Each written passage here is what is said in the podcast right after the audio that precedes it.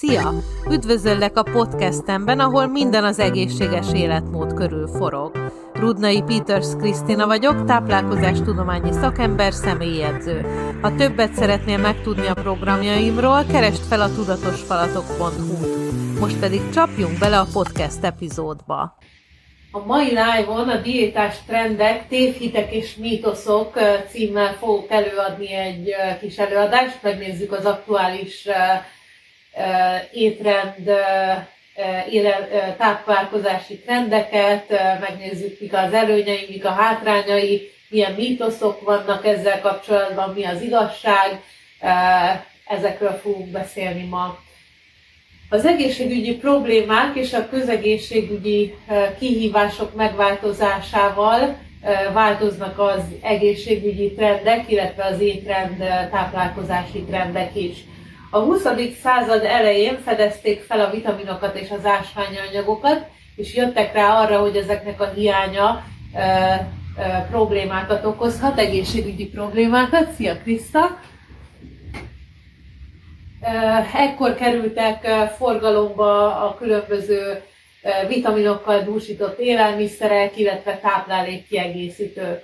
Az 1960-as, 70-es években a zsírt tartották rossznak, és zsír csökkentett diétát próbáltak promotálni, és a szénhidrátot pedig magasabban tartották.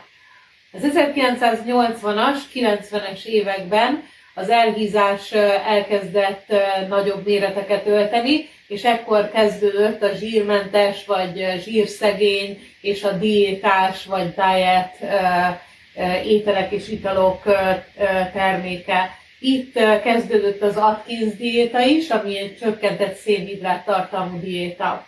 A 2000-es években jött a természetes és a bio őrület, ilyenkor kezdődött népszerűsödni a vegán, illetve növényi alapú paleo étrend, a szénhidrátokat pedig kifejezetten elkezdték csökkenteni. A 2010-es években a testre szabás és az individuáláció éve volt, vagy évei voltak, amikor is az emberek rájöttek, hogy testre szabni, személyre szabni az étrendeket sokkal jobb, mint egy étrend rendet követni. A 2020-as években pedig elkezdett előnybe törni ez a fenntarthatóság, etikai fogyasztás, nagyobb hangsúlyt kapott a növényi alapú vegetáriánus vegán étrend a 2020-as években. Nézzük meg a média és a diétás trendek között, hogyan hat a média a diétás trendekre. Lehet használni információforrásra is, csak nagyon kritikusan kell megközelíteni az információkat, ilyenek például a különböző híradás, TV dolgok, blogok, social media, podcastek, magazinok, vannak a hírességek és az influencerek, akik különböző diétákat próbálnak promotálni. Ezek előtt tájékozódni kell, mert sokszor olyan állításokat tesznek, ami előtt nincs megfelelő tájékozottság. Szenzációhajház dolgok is vannak, ezek a kattintásvadász cikkek. Ez sokszor félrevezető, a kontextust kihagyja, illetve a kutatások, kutatásokat egy nagy általánosságban értékeli. Vannak a reklámok, erről azt hiszem nem kell szót ejteni, a táplálkozás, táplálékkiegészítőktől kezdve trendi diétákon át kiegészítőkig mindent lehet a reklámokban látni, és van a közösségi média, ahol különböző csoportokban, különböző fórumokon az emberek elkezdték megosztani a véleményüket. Ez is egy jó tájékozódási forma, hiszen mások, akik szenvedtek ugyanebben a problémában, hogyan oldották meg, viszont erről is tájékozódni kell előtte, mielőtt valamit megfogadunk. Nézzük néhány trendi diétát, és az előnyeit és a hátrányait. Kezdjük a ketóval, vagyis a ketogén diétával, ami alacsony szénhidrát és magas zsírt tartalmaz.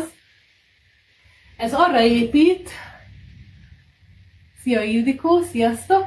Ez arra épít, hogy ketózisban tartja a testet, amikor ketontestek kezdenek termelődni, és a ketontestekből nyeri az energiát a test, ez pedig a zsír sejtek bontásával végzi. Az elve az az, hogy lecsökkentett szénhidrátnál nagyobb lesz a zsírbontás. A glükóz csökkenésével a máj ezeket a ketontesteket kezdi el termelni, és a test ebből vesz energiát.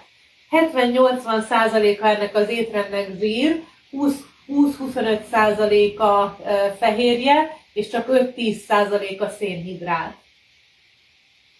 Az előnyei, hogy súlycsökkenést lehet észrevenni, illetve különböző betegségeket lehet vele kezelni, például az epilepsziát, vagy a kettes számú diabéteszt és bizonyos típusú rákokat. A kihívások, amik történhetnek, az elején a szénhidrát csökkenés miatt fáradtság jöhet létre, irritáció, fejfájás, szédülés, hasmenés, illetve vannak olyan egészségügyi problémák, amik, amikkel együtt nem lehet a ketogén diétát csinálni, ilyenek például néhány vese problémák. A paleo diéta az egy őskori, illetve paleolit diétának felel meg.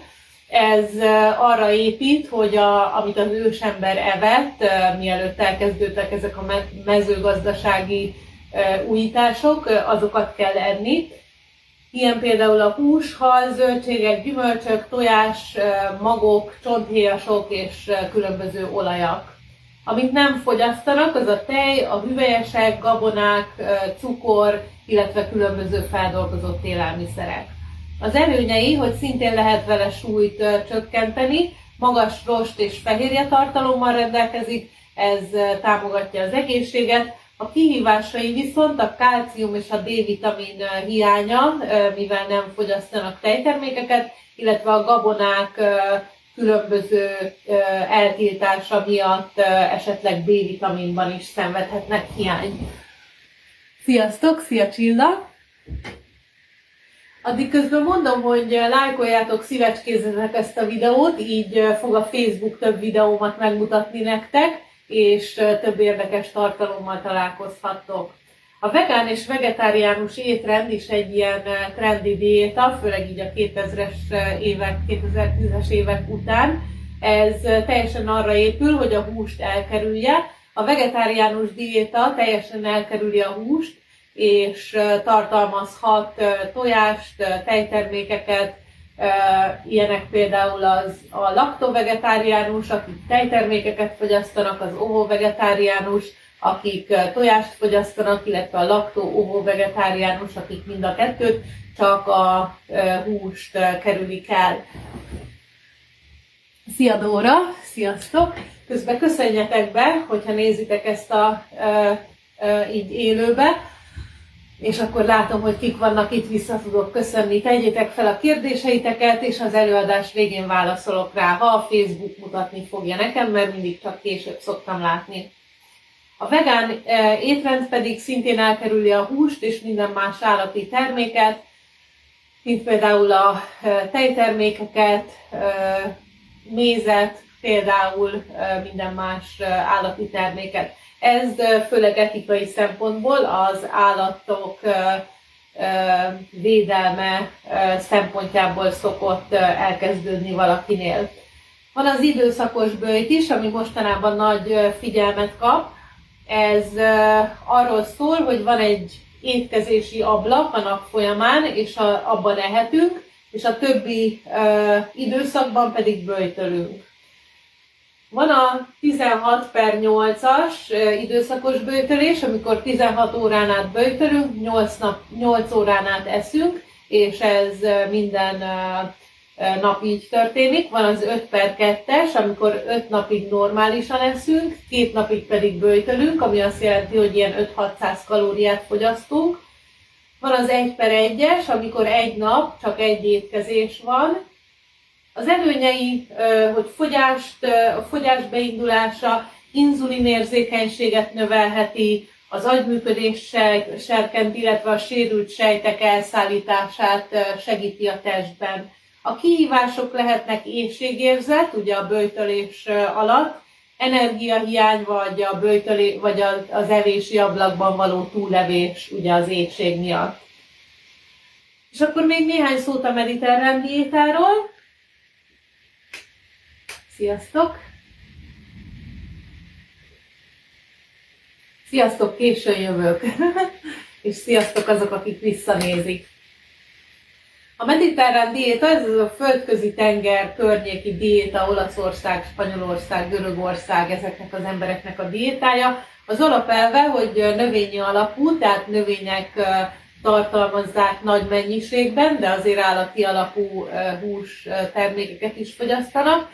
Friss és tiszta, feldolgozatlan élelmiszerekből áll ez a napi fogyasztás. A zsírokat olívaolajjal pótolják, ami egy telítetlen zsírforrás, tehát egy egészséges zsírforrás. A húst azt hallal, illetve baromfival oldják meg, a vörös húsok azok ritkábbak, a bort is beleveszik a, az étrendjükbe, ezt mérsékelt fogyasztással és vörös bor esetén. A fizikai aktivitást növelik, az előnyei szív- és érrendszeri problémák ö, ö, csökkenése, különböző rákok ö, megelőzése, illetve ö, segítése, illetve az Alzheimer-kór megelőzése és ö, ö, gyógyítása. Különböző szociális ö, ö, eseményeken is részt vesznek, amikor étkeznek, akkor többen vesznek részt ebben, és egy ilyen családi, baráti, szociális eseménynek élik meg. Nézzük meg, milyen mítoszok és tévhitek alakulhatnak ki az egyes diéták során. A ketogén ételek, a ketogén diéta során, hogy bármennyi zsíros ételt és zsíros ételeket, szalonnát, kolbászt, zsíros ételeket kell fogyasztani. Ez annyiban igaz, hogy magas zsírtartalmú a diéta, a ketogén diéta, de minőségi és mérsékelt zsírforrásokra kell gondolni. A vegetáriánus és vegán étkezésről szokták azt mondani, hogy kevés fehérjét tartalmaz, ugyanakkor a hüvelyesekben, magokba, csonthéjasokba elég viszonylag nagy mennyiségű fehérje megtalálható, mivel tudják pótolni a hiányzó fehérje mennyiséget. Az idősakos bőjtnél sokan azt hiszik, hogy ez azt jelenti, hogy keveset étkezünk, tehát hogy naponta egy-két étkezés van, azonban ez nem igaz, az étkezési ablakban lehet akár 3-4-5 étkezésünk is, szépen elosztva. A mediterrán diétával sokszor azt hiszik, hogy a bort korlátlan mértékben lehet fogyasztani, pedig ennek is a fogyasztása csak mérsékelt, csak éppen annyi, hogy az egészségügyi előnyöket ki lehessen használni. A gluténmentes étkezésről sokan azt hiszik, hogy ez egészségesebb, mint a glutén fogyasztása, pedig ez csak akkor fontos, hogyha gluténérzékenységünk vagy gluténallergiánk van, ellenkező esetben, hogyha nincs semmi intoleranciája a szervezetnek a gluténra, akkor nyugodtan lehet fogyasztani. Sokszor a nyers étkezésről azt hiszik, hogy tápláló, pedig vannak olyan zöldségek és zöldségek, amik, amiket főzve sokkal egészségesebbek és sokkal jobban kijönnek az egészségi állapotra történő javuló hatásai.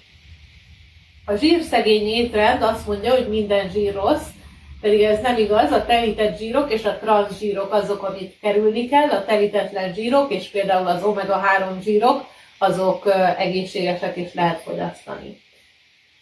Szénhidrát csökkentés, sok ember azt hiszi, hogy a szénhidrátot kerülni kell, pedig a szénhidrát az, amit energiát ad a testünknek, energiát ad az edzésekhez, energiát ad a mindennapokhoz, és minőségi szénhidrát források, tehát lassú felszívódású szénhidrát forrásokra kell gondolni.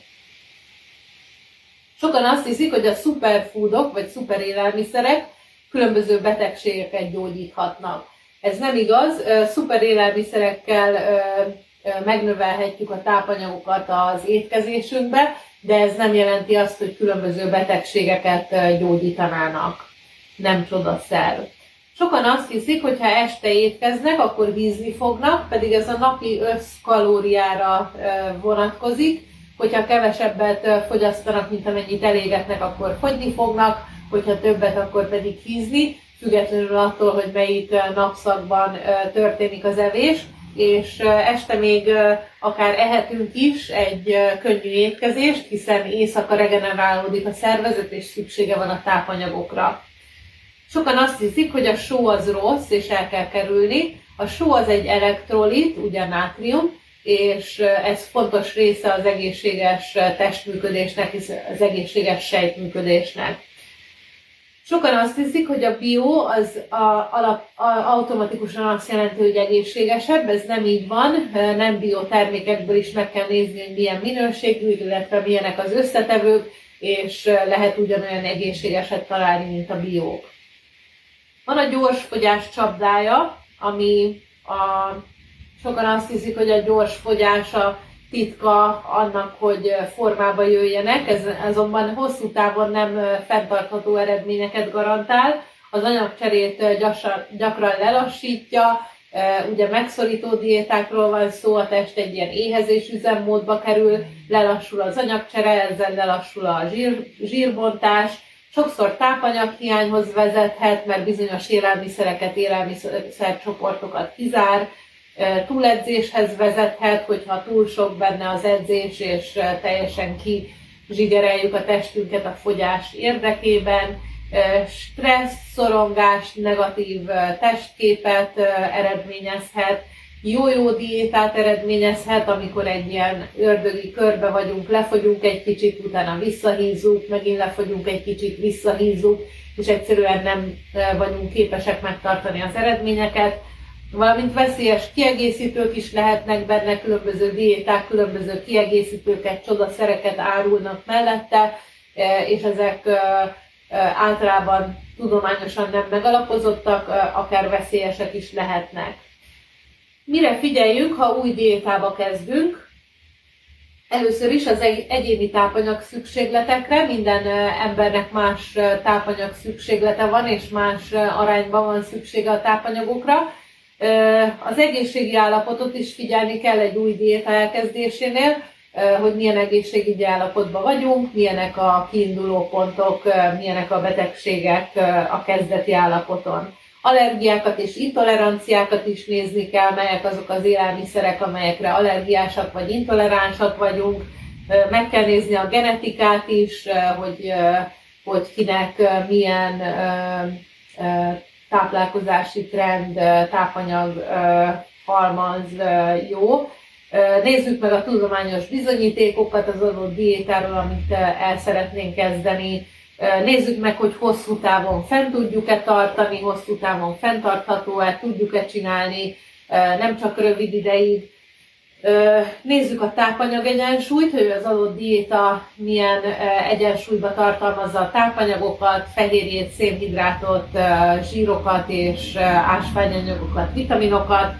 Nézzük meg, milyen a megvalósíthatósága, tehát hogy illeszkedik-e, illeszkedhet-e az, az aktuális életmódunkba, napirendünkbe. Nézzük meg a költségeket, hogy belefér-e a pénztárcánkba, vagy a havi költségvetésünkbe a diéta követése, menjünk el tanácsadásra, hogyha nem vagyunk benne biztosak, hogy milyen diétát kövessük, vagy hogy állítsuk össze a tápanyag szükségletünket, és hallgass a testedre, hogy milyen jeleket közvetít.